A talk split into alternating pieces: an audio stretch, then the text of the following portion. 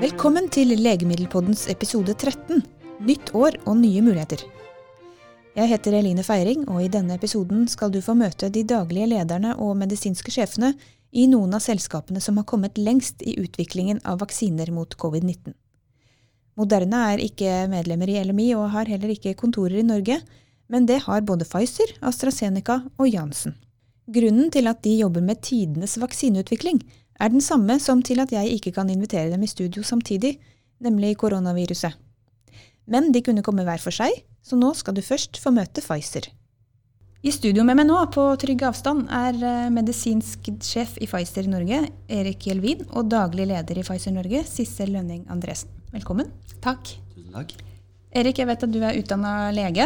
Du har jobba mange år som barneanestesilege, hovedsakelig ved Rikshospitalet og Sykehuset i Østfold. I tillegg har du 20 års erfaring fra luftambulansetjenesten. Eh, og Sissel, du er utdanna farmasøyt og har vært i Pfizer i nesten hele din karriere. Ja. Sju år som daglig leder. Fortell litt om eh, Pfizer. Pfizer er et eh, globalt legemiddelfirma. Vi har hovedkontor i New York. Og det er omtrent 85 000 ansatte verden over. Her i Norge så er vi ca. 85 ansatte. Og på det norske markedet så har vi ca. 95 legemiddel. De her legemidlene de er fordelt på seks business unit, eller avdelinger. Og de avdelingene representerer også de områdene vi driver forskning innenfor. Så den ene avdelinga er onkologi, der vi har en del kreftlegemiddel. Og vi driver også med utstrakt forskning da innenfor kreftområdet. Og så har vi en vaksineavdeling som er i vinden selvfølgelig i disse dager. Men i tillegg til covid-19-vaksine så har vi også en del andre vaksiner på det norske markedet. Vi har en avdeling som heter Rare Disease. Veldig spennende område. Vi driver mye forskning innenfor genterapi, men også da innenfor andre sjeldne sykdommer. Og så har vi en avdeling som heter immunologi og inflammasjon, hvor vi har en del biologiske legemiddel. Og så har vi en egen hospital-avdeling, der vi har en del legemiddel som brukes i utstrakt bruk på, på sykehus. Og hvor vi har også en antibiotikaportefølje. Og så har vi til sist en, det vi kaller internal medicine, hvor vi har en del store produkt, bl.a. innenfor hjerte-kar, som, som, brukes i, mye i allmennpraksis. Mange visste kanskje ikke om dere så mye, i hvert fall, før i fjor. Nå har vel alle hørt om Pfizer, fordi at dere har utvikla den aller første vaksinen som kom på markedet. Fortell litt om den. Ja, eh, det, har, det føles? Ja, du, det har vært en fantastisk siste uke, det, altså. Vi visste jo allerede i mars at Pfizer ville gå inn og, og, og begynne å forske på å utvikle en vaksine mot covid-19. Men vi var jo da absolutt ikke sikre på om det her kom til å gå. Men etter hvert som tiden gikk, og vi fikk data fra, fra de store kliniske studiene, og, som både viste da, ja, effekt av vaksinen, og når vi da endelig da fikk nå en godkjenning som, som, første vaksine, så har det vært ja, et stolt øyeblikk, vil jeg si, i, ja, i, i Pfizer-karrieren min i hvert fall. Fortell litt om, om selve vaksinen, da. Ja, som mange har fått med seg, så er dette da en såkalt RNA-vaksine. Og um, den første vaksinen som bygger på det prinsippet, den er uh, utviklet på en kjent og, og, for så vidt fra før vaksinebase, for nettopp for at dette skulle gå fort, at man kunne bygge på kjente prinsipper. Men selve vaksinen består da av en liten kopi av strikkeoppskriften til et overflateprotein på dette viruset. Det er pakket inn i en fettpartikkel slik at uh, denne oppskriften kommer seg inn i muskelcellene, slik at uh, muskelcellene kan produsere dette proteinet, virusproteinet, og bringe det til overflaten, slik at kroppens forsvarsmekanismer, immunforsvaret, kan oppdage det og sette i gang reaksjoner mot dette. Det dannes både antistoffer som bryter ned dette proteinet, men det som er like viktig, er at denne prosessen lagres i kroppens hukommelsesceller, slik at når man senere utsettes for selve viruset, så kan kroppen reagere nærmest umiddelbart og angripe og bryte ned viruset før det rekker å forårsake noe sykdom. Eh, selve strikkeoppskriften den, er, den lever veldig kort, den brytes veldig fort ned i cellen. slik at dette har ingenting med arvestoff eller slike ting å gjøre. Det er bare en, en indirekte måte å lage en uh, immunrespons i kroppen på. For mange syns det høres veldig skummelt ut og tror at det på en måte tukler med genene våre, eller uh, at det der er noe som gjør, kan gjøre varig skade. Hva vil du si til de? Nei, som sagt, dette, dette er da en, en strikkeoppskrift som, som, brytes ned veldig fort, og som ikke påvirker vårt arvestoff i det hele tatt. Har vaksinen bivirkninger? Ja, som alle vaksiner har denne bivirkninger. Og eh, den vanligste bivirkningen er knyttet nettopp til selve virkningen av vaksinen. At eh, noen, fra noen timer til dagen etter du får vaksinen, så kan du få litt eh, feber, sykdomsfølelse, slapphet, hodepine. Det betyr rett og slett bare at kroppen reagerer som den skal mot, med å danne antistoffer mot, mot dette. Mm. Og utover det så er det, er det sjelden noen særlige bivirkninger. Og de er som regel heldigvis milde og går fort over. Mm. Men at dette er helt nytt, betyr ikke nødvendigvis at det er veldig skummelt? Nei, det, det er det ikke. Dette er nok å oppfatte som en vanlig vaksine på, på linje med influensavaksine og andre typer vaksiner. Hvor mange er inkludert i studiene deres? Det er i de, i de kliniske studiene som ligger til grunn for godkjenningen av vaksinen, så er det inkludert drøyt 43 000 eh, deltakere. Dette er jo en vaksine som skal tas i to doser. Er det viktig hvor lang tid det går imellom dosene? Ja, det, det er nok det. Det som står i eh, preparatomtalen, er at det skal gå minimum 21 dager eh, mellom dette. Eh, at det er akkurat 21 dager er nok ikke så veldig viktig. Det er nok et slingringsmonn der. Men, men, det er viktig at, eh, at, det både tas to doser, og at det går minimum tre uker mellom hver av dosene. For at man skal få en fullgod vaksinasjonseffekt. Det er jo blitt kritisert at vaksinene bare beskytter mot covid-19 og ikke mot smittespredning. Hva vil du si til det? Det, det vet man ikke. Det, det, vi vet så langt, er at den i alle fall beskytter mot covid-19-sykdom. Øh, og det gjør den da hos 95% av de som har fått vaksinen i de kliniske studiene. Hvorvidt den også beskytter mot smittespredning ved at den da bryter ned viruset så raskt at man ikke rekker å smitte andre, det eh, pågår det studier på nå. og Det er noe som krever mange flere involvert i studiene og lengre tidsoppfølging. Så det er noe vi vil få svar på i de kommende ukene og månedene. Vanligvis så tar det jo mellom 3 og 15 år å utvikle vaksiner. Hvordan har dere klart det så raskt nå? Det, det har vi gjort ved som jeg sa, for det første bygge på en kjent vaksinedatabase som man kan ta i bruk nærmest umiddelbart. Dernest dette med mRNA-teknologien, som er mye raskere å produsere disse mRNA-stoffene enn den tradisjonelle vaksineutviklingen, som går da på å hente inn, dyrke og behandle virus i store mengder for å lage vaksiner. Dernest så har man kjørt veldig mange av disse studiene og, og prosessene i parallell istedenfor å gjøre de etter hverandre og vente på resultatet fra den forrige før man starter med neste. Man har tatt en stor sjanse. Man har eh, startet alt uh, og kjørt veldig mye av det parallelt. Og uh, til, til, og med også starte produksjon av vaksinen lenge før man visste det endelige resultatet av studiene. Det tredje som er veldig viktig rundt dette, er det utrolig gode samarbeidet vi har hatt med legemiddelmyndigheter verden over, hvor vi har fått lov til både at de har eh, satt fart på sine egne interne prosesser, men også at vi har fått lov til å sende inn eh, studieresultater etter hvert som de har eh, blitt klare, slik at man ikke må vente på at de skal samle inn alle sammen og så sende inn alt på en gang. Det har, eh, det har eh, satt veldig fart på prosessen. Kan du også si litt om samarbeidet med Biontech? Ja. Biontech, et uh, ikke riktig også lite, men i hvert fall i utgangspunktet et relativt lite uh, tysk uh, biotech-firma som startet opp i 2008, så vidt jeg husker. Pfizer startet samarbeidet med Biontech i 2018.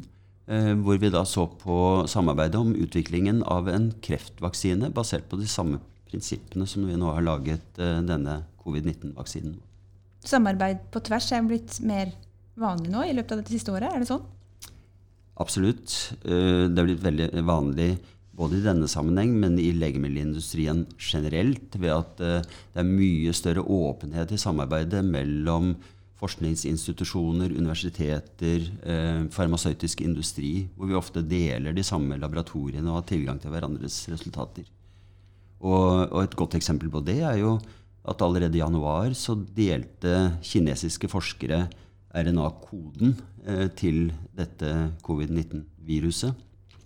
Og gjorde det tilgjengelig for alle forskerne verden over, slik at man kunne starte der og virkelig, virkelig få fart på forskningen. Så det har også vært avgjørende for at det skal kunne gå så raskt? Ja. ja. Hva med produksjonen? Det er jo millioner, milliarder av doser som skal produseres til hele verden. Hvordan gjøres det sånn rent praktisk? Hadde dere nok fabrikker, eller er det bygd nye? eller...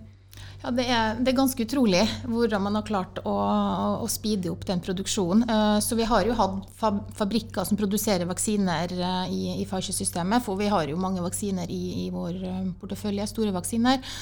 Eh, men vi har helt klart måttet eh, bygd eh, opp kapasiteten på de fabrikkene. Så det har vært gjort en formidabel jobb i 2020 i, denne prosessen, som gjør det da at vi hadde faktisk en, ganske mange millioner doser klar når godkjenninga kom.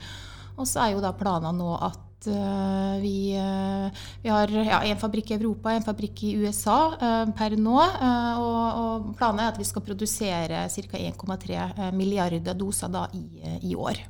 Det er noen hetteglass, det. Hvor kommer disse hetteglassene fra, forresten? Godt spørsmål. Den som lager de, har også gjort ja. det ganske godt. Fra glassfabrikken. Glassfabrikken. ikke, ikke Moss Glassverk, dessverre.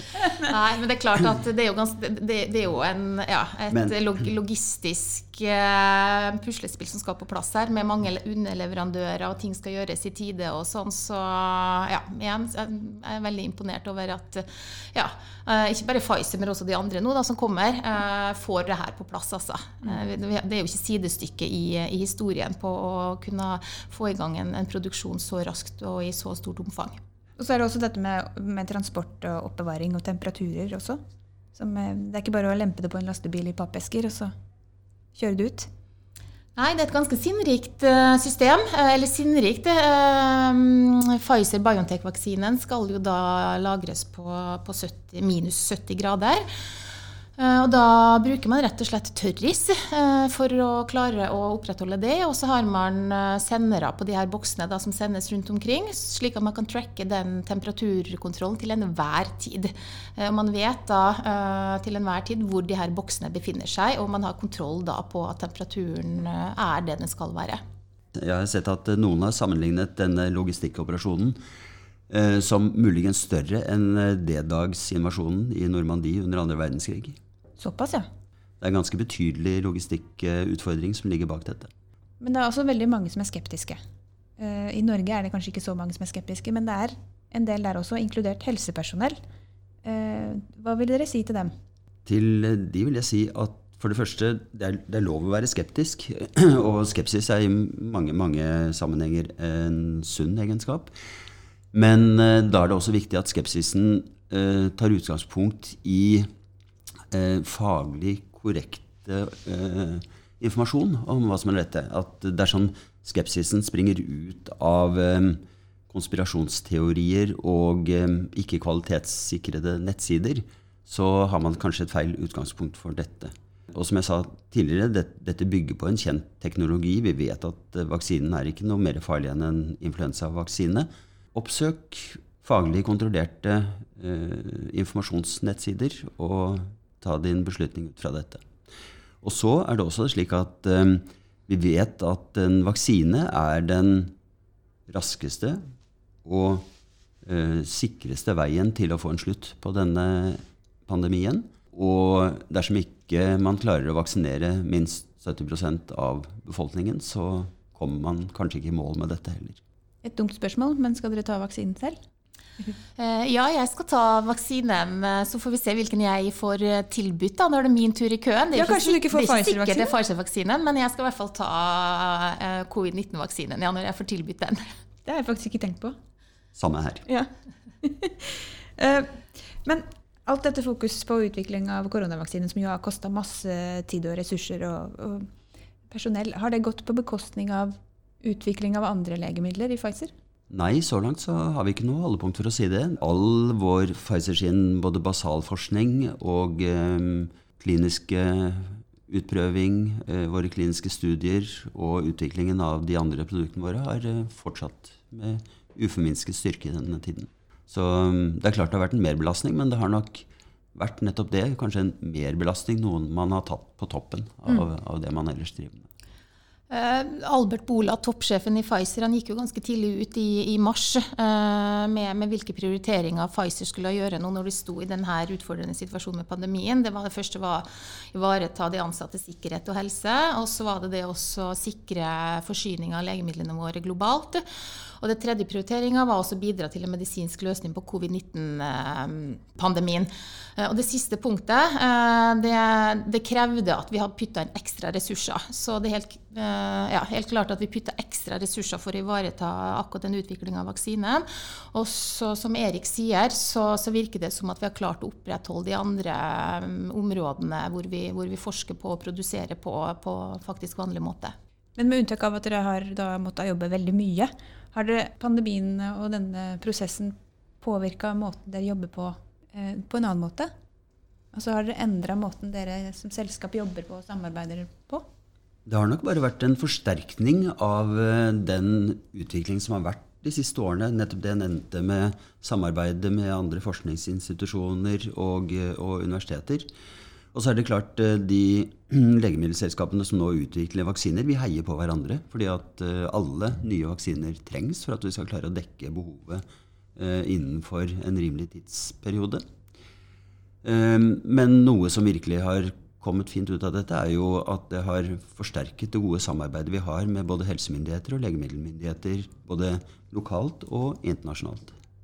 Er det noe som kommer til å vare, tror du? Ja, det tror jeg faktisk. Hvordan har eh, pandemien påvirka industriens omdømme, tror dere? Eh, jeg tror vi alle har, eh, i hvert fall vi som jobber i industrien, ser jo det at vi, vi har jo da hatt de flestes øyne retta mot oss nå. Og det er klart at når man da ser at vi kan komme med en, med en, en løsning, i hvert fall som en start på slutten av, av pandemien, så tror jeg det har fått øynene opp for folk, hva vi faktisk kan bidra med. Så det er vel ganske ganske liten tvil om at uh, ja, omdømmet til industrien uh, er, er, bedre nå uh, enn det var tidligere. Og det, det, at man ser altså at vitenskap og, og, og, forskning kan løse de her enorme globale utfordringene som pandemien har, har, ført til, tror jeg og håper gjør at folk ser litt annerledes på, på industrien nå. Men mange, inkludert helseministeren, har jo også vært kritisk til legemiddelindustrien. Men, eh, men, før jul så, så jeg at han delte et bilde av eh, to trailere. Den ene var denne juletraileren til Coca-Cola, og den andre var en tilsvarende en fra Pfizer. Ja, det var ganske morsomt. Jeg tenkte wow! Jeg tenkte at helseministeren har humor, som er bra. At han tør å være litt ja, ledig i formen også i, i en slik situasjon. Og så er det klart at uh, helsemyndighetene myndighetene, de har venta på, på, en vaksine. Uh, at den nå kom fra Pfizer er jo hyggelig for oss, men det viktigste er jo at det kom en vaksine. Og nå kommer det heldigvis også, også flere. Og så må jeg jo si at jeg syns det var stas at statsministeren i sin nyttårstale um, sa et eller annet om at hun takka vitenskapen uh, for at vi nå faktisk kunne begynne å se en ende på pandemien. Og det syns jeg var veldig flott. Og så er det jo med det grunn til å tro at eh, også politikere og myndigheter nå begynner å ikke bare se legemidler som en kostnad, men også som en eh, veldig viktig verdi og ressurs i samfunnet. Ja, Som kan gjøre at vi åpner opp igjen og kan gå på jobb og produsere ting. Ja, og at det faktisk ikke bare gjelder denne vaksinen, men eh, andre legemidler også. Men Hvordan har de siste månedene vært for dere, bortsett fra travelt?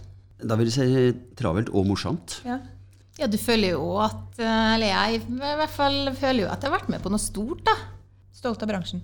Absolutt, og veldig stolt av kollegene. Tusen takk for at dere kom i Legemiddelpodden. Takk, takk for, at vi fikk være med. AstraZeneca er neste gjest ut. Deres nye sjef, Christoph Bischoff, sitter i Danmark, men medisinsk sjef Kristin Løseth jobber her i Oslo og tok turen innom. Kristin Løseth, velkommen. Takk. Du er medisinsk sjef i AstraZeneca. Utdanna farmasøyt og har jobba i AstraZeneca i over 20 år. Fortell om eh, deg selv først. Uh, ja, uh, jeg kommer opprinnelig fra en kommune som heter Hustadvika uh, i Romsdalen. Og har jobba mer enn 30 år med legemiddelutvikling i industrien og hos myndighetene. Og har trivdes veldig godt med det å jobbe på medisinsk avdeling. Og fortell om selskapet ditt AstraZeneca. Ja, AstraZeneca er jo i utgangspunktet en uh, sammenslåing av to firma, uh, Astra og Zeneca. Uh, Astra er den delen som er eldst og ble starta i Sverige i 1913. Hvor det første produktet var xylokain, eller også lidokain. Zeneca kom til litt seinere og er et engelsk firma. Og de to legemiddelfirmaene ble slått sammen i 1999. Eh, vi har et eh, bredt spekter av terapiområder, og vi jobber stort sett bare med nye produkter. Vi jobber innen diabetes, hjertekar, hjerte-kar, nyre, luftveissykdommer, og vi har en stor portefølje innen onkologi. Og så har vi da immunologi, hvor denne vaksinen bl.a. tilhører. Ja, og denne her vaksinen, det er covid-19-vaksinen. Det stemmer. Hvordan er det å være med på utviklingen av den? En av de som har kommet lengst? Du, Det er kjempespennende. Det er utrolig artig å jobbe sammen med Oxford University eh, og se hvordan vi kan samarbeide med dem og bidra til den utviklinga av den vaksinen hvor de har vaksineteknologien. Vi kan legemiddelutvikling, vi kan produksjonen og distribusjonen, så vi er en veldig god match. Hva slags vaksine er det dere utvikler? Du, det er en såkalt ikke-replikerende viral vektorvaksine. Um, litt enklere forklart så er det en uh, vaksine som består av et modifisert uh, forkjølelsesvirus fra sjimpanser. Som, som, blir brukt som et skall, hvor man inni det skallet uh, får lagt inn DNA-et til piggeproteinet. Og det forkjølelsesviruset hjelper da DNA-et til piggeproteinet å komme inn i cellene våre. Eh, og når det kommer inn i cellene våre, så forteller det DNA-et at vi skal produsere det piggeproteinet eh, til koronaviruset. Og da vil kroppen lage det immunforsvaret som vi trenger for å beskytte oss mot en eh, fremtidig infeksjon.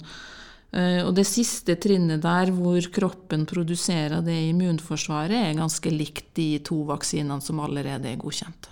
Er det sånn at man må ta to doser av denne?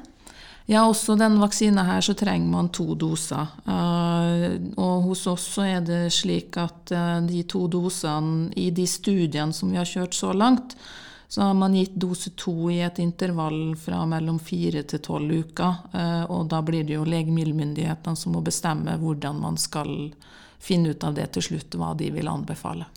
Per nå, i dag er det 12. januar, eh, så er denne vaksinen godkjent i Storbritannia. Det stemmer. Og så er den godkjent i India, og så tror jeg det var Bangladesh.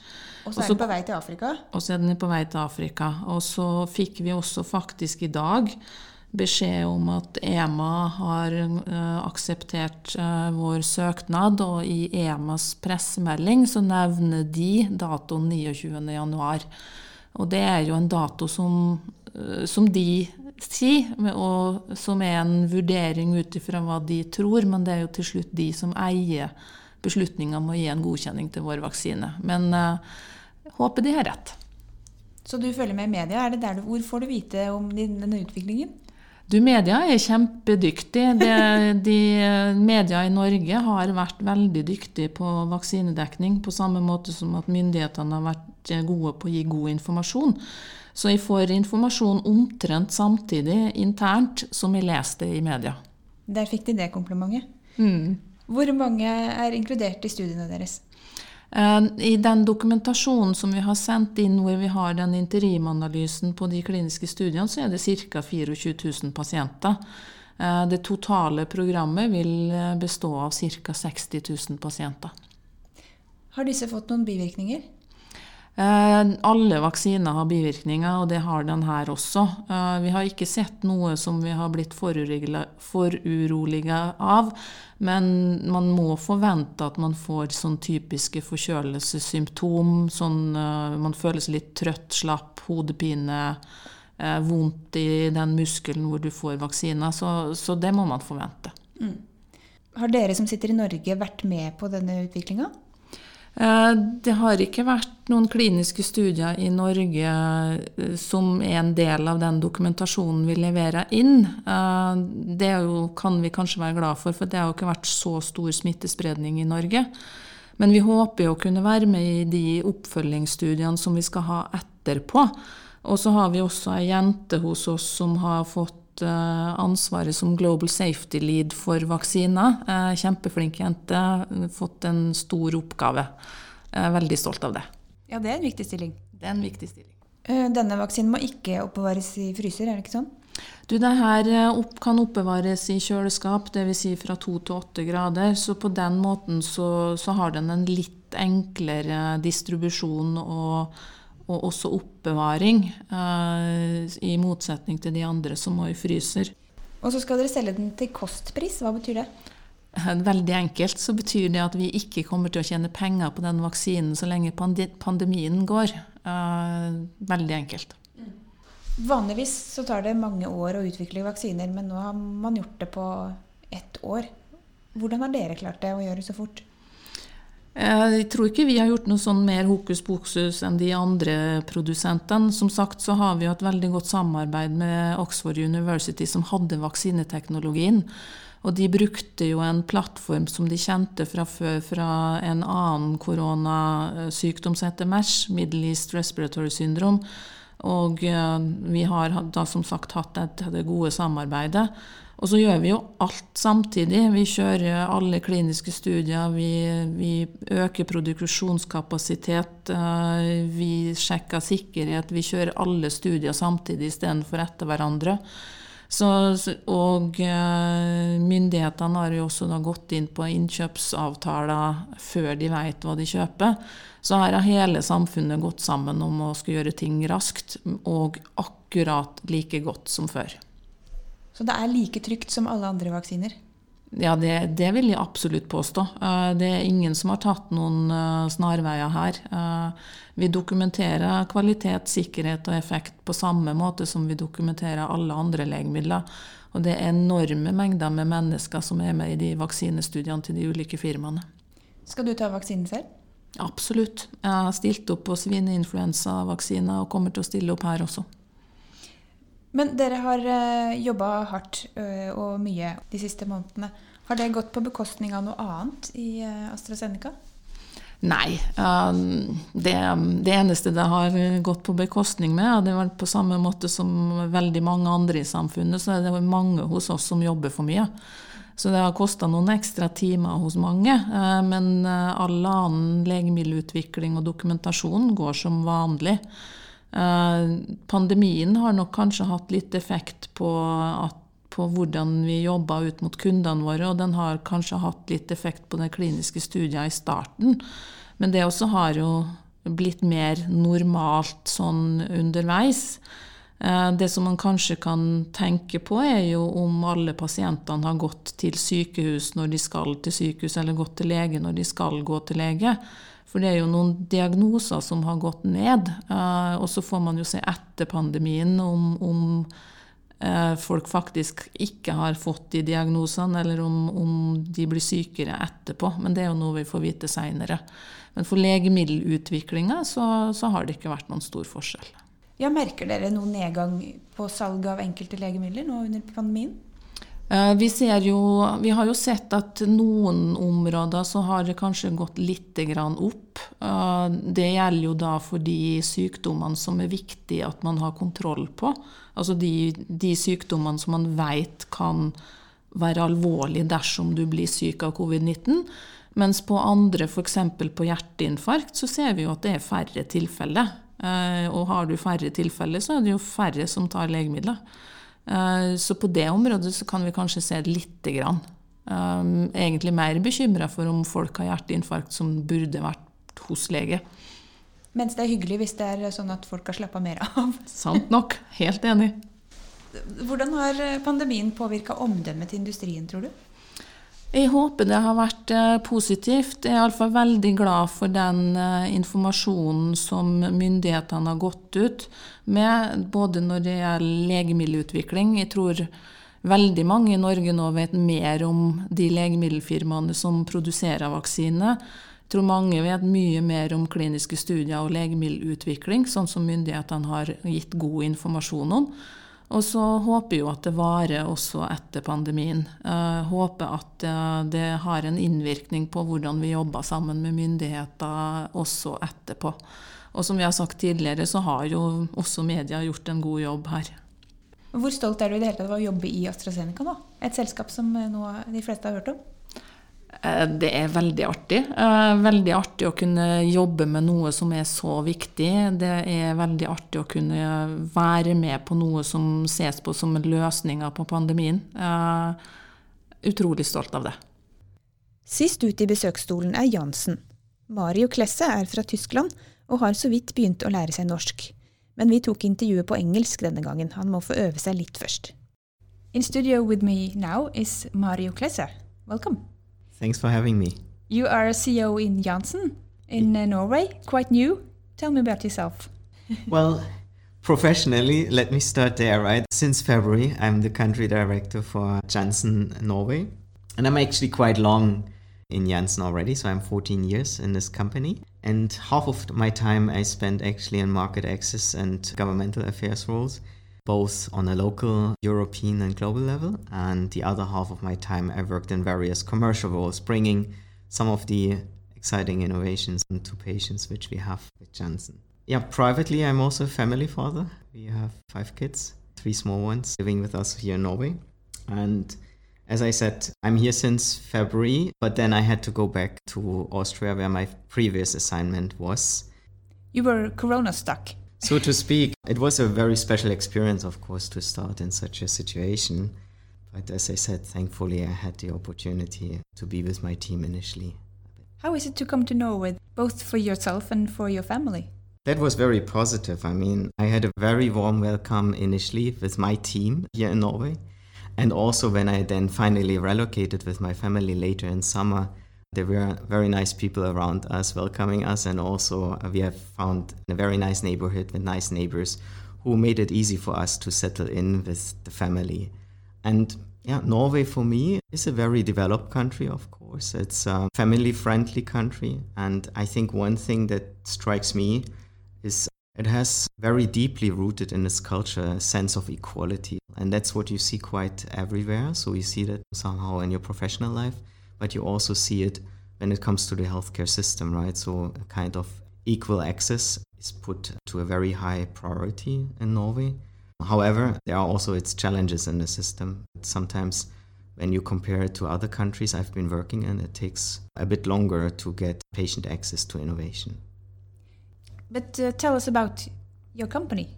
Janssen is the pharmaceutical company of Johnson & Johnson. And J&J is a global healthcare company with more than 120,000 people employed. And we are working on healthcare solutions in three sectors, so farm, medical devices, and also consumer health. And Janssen is about 40,000 of those. And we are trying to make disease a thing of the past. So when I look a little bit back the last 10 years, we brought every year a new medicine um, to the patients, which doesn't count in even the, all the indication expansions which we had and which changed patient lives. We focus on six therapeutic areas, also where we have the most expertise in, and that's oncology, immunology, uh, neuroscience, and then also cardiovascular diseases, pulmonary hypertension, and then very important these days, infectious diseases and vaccines. Uh, exactly. So in Norway, we are currently 50 people in Johnson and Johnson, and 35 in, in the pharmaceutical business. And actually, we had last year our first year in a fully localized setup. So we had a transformation from a Nordic setup into a local operating company setup to be closer to our customers, but also to provide more relevant solutions um, for our customers in Norway. Do you have many vaccines? Well, uh, currently we have one European Commission approved vaccines against uh, Ebola, but um, we have a history in vaccines, and of course we are also having vaccines in the research pipeline, like the corona vaccine, as well as a vaccine against respiratory syntactical virus, so it's a respiratory disease with similar symptoms like the flu, for instance. Then a vaccine against HIV, so AIDS, and Zika virus. And uh, the coronavirus vaccine. You are one of the companies that uh, have reached furthest. Uh, tell us about the vaccine you have. Yeah, we have started our development efforts of the vaccine when uh, back in January when the genetic code became available, and we are currently in phase three of our development program. That means we are having a large-scale clinical trial ongoing, one with 45,000 patients and one with 30,000 patients, um, to test the safety and efficacy of the vaccine. And I'm happy to say that in December we have fully enrolled the first study, which is testing a single dose regimen. And that was one of the fastest enrollments of our first study in Janssen ever, I can say. And also, the European Medicines Agency has started a rolling review of our data, but we have to wait until the data from our phase three study comes out.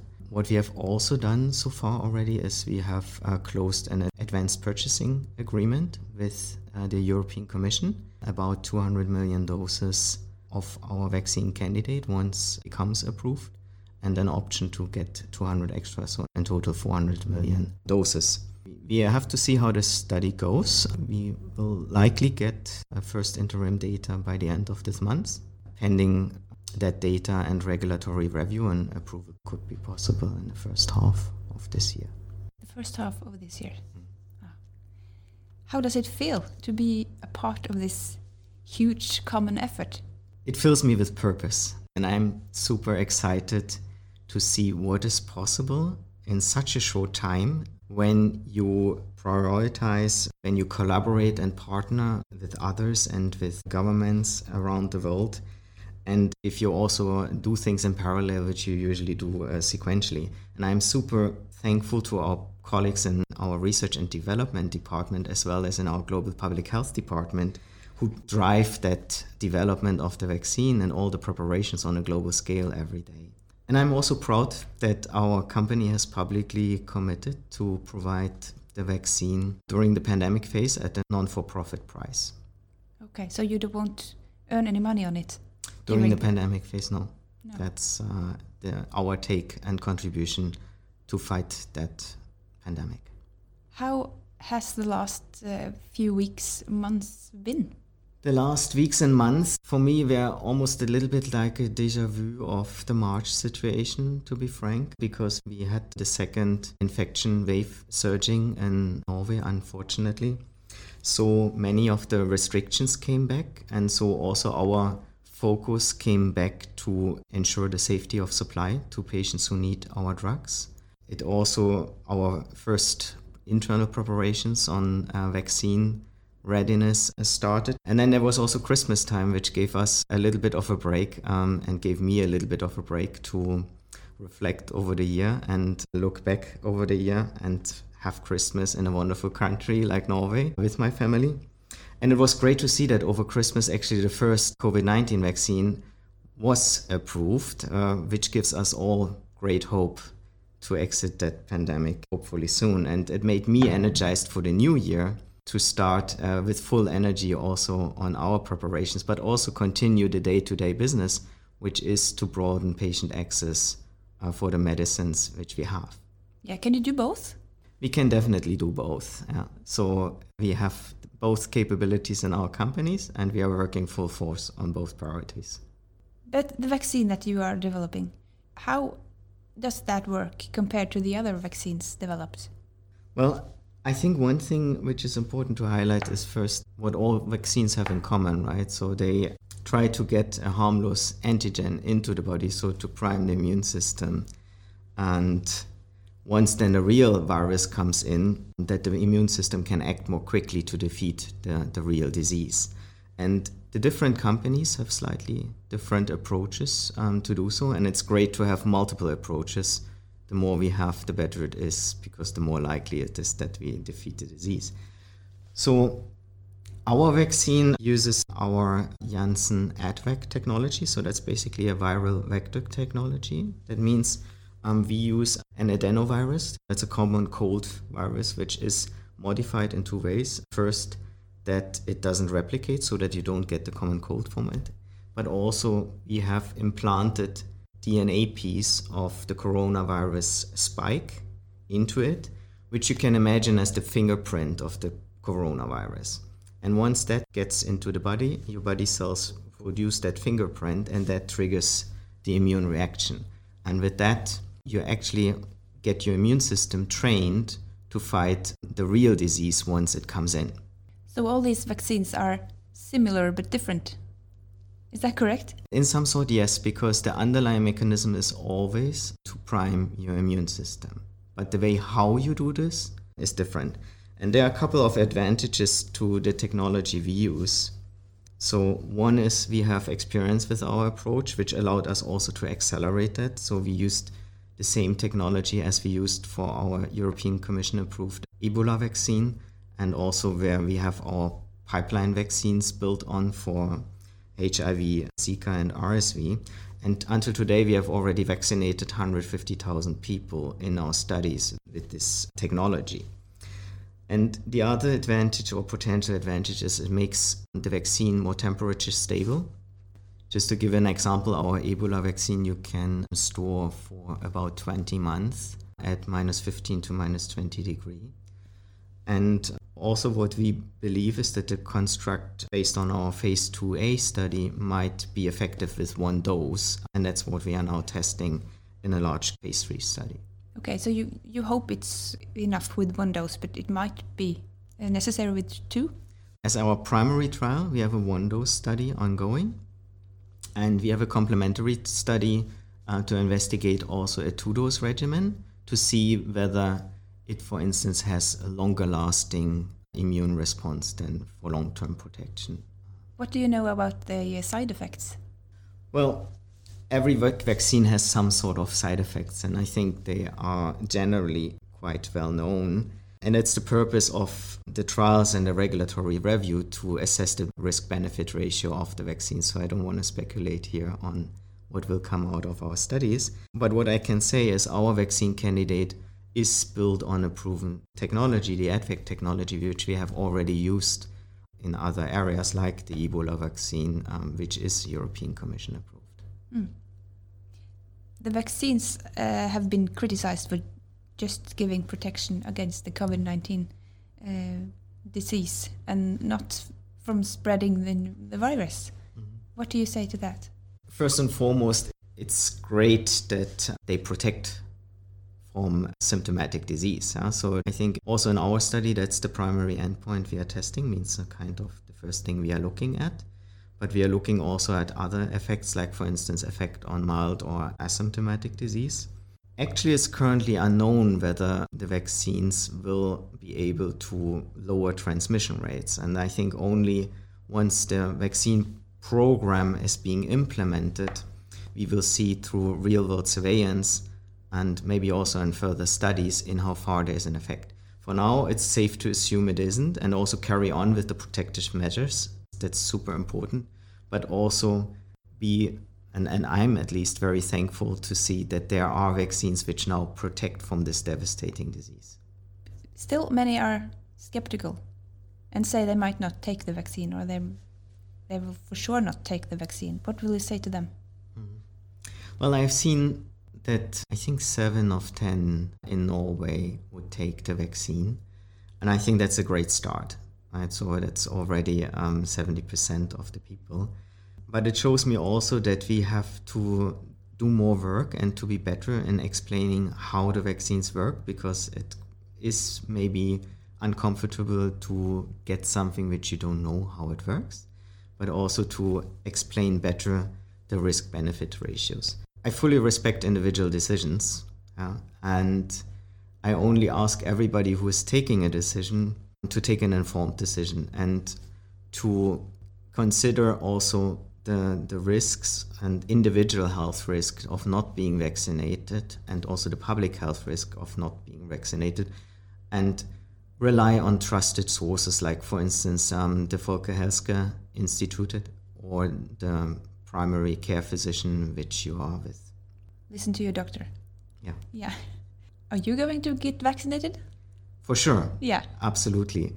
I mean, of course, I have to wait until it's my place in the queue according to the vaccination program in Norway, but I will get it and also my family. But then you don't know which vaccine you will get, do you? Well, that doesn't matter to me so much. As I said earlier, I think it's great that we have multiple vaccines and we need all the vaccines to fight the pandemic. So I will be happy to take the vaccine I get have all the focus and energy on the corona vaccines delayed some of your other development projects? No, they haven't. Actually, as I said, we, we could do both. So we continued our development programs on the existing drugs. And in parallel, we accelerated uh, the development of the vaccines. And that was only possible due to the fact that we engaged first and foremost in more partnerships, in public partnerships, as well with uh, governments, with regulatory authorities, just to give one example, we partnered with the US Department of Health, with BARDA, and we invested jointly 1.7 billion additionally to accelerate the development of the vaccine. Secondly, we did things in parallel, which you do normally sequentially. For instance, we ramped up production at risk um, without waiting for the outcome of our phase three study. And Thirdly, we were building on a proven platform where we had experience with, and that also allowed us, for instance, to pick the right dose more quickly. How has the pandemic affected how you work as a company? Well, I think, uh, like all of us, it has changed the way how we work. I mean, we do much more virtual teamwork, and I said this, I think, in the beginning when I started, and we worked all from home we learned how to work virtually as a team. And also, the crisis sparked new forms of customer interactions, how we help uh, physicians and patients or support physicians and patients. So, you see much more information being shared through digital channels, but also you see that the way how we share information has changed. So, we work much more on demands coming in. So, we have, for instance, also besides our hotline, we have regular web calls where physicians can call in and ask questions, and they do so. We have webinars, as many others have. But also, one other thing changed, and I think that's the unprecedented collaboration which you experienced um, during that pandemic, both uh, when it came to public private partnership, and I mentioned our collaboration, for instance, with uh, BARDA, a part of the Department of the US Healthcare, but also uh, when it comes to the collaboration between pharmaceutical companies. So we have, for instance, also part of uh, the COVID-19 uh, R&D alliance, where multiple pharmaceutical companies have actually built a group to jointly exchange knowledge and do research on therapeutics and whether they work against COVID-19. Do you think all these collaborations will continue after the pandemic? I think it's on us to make it last. What has been demonstrated now is what power and strength can be unleashed if we work more closely together. Also, how quickly we can come jointly to healthcare solutions, and also how quickly we can make new innovation accessible to patients.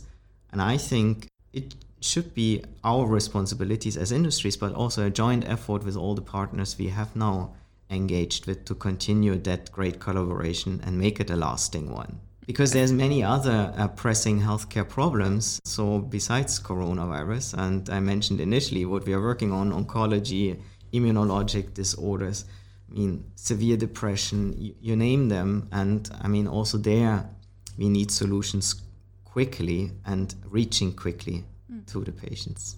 So when you talk to your friends now do they have a greater understanding about what your work is?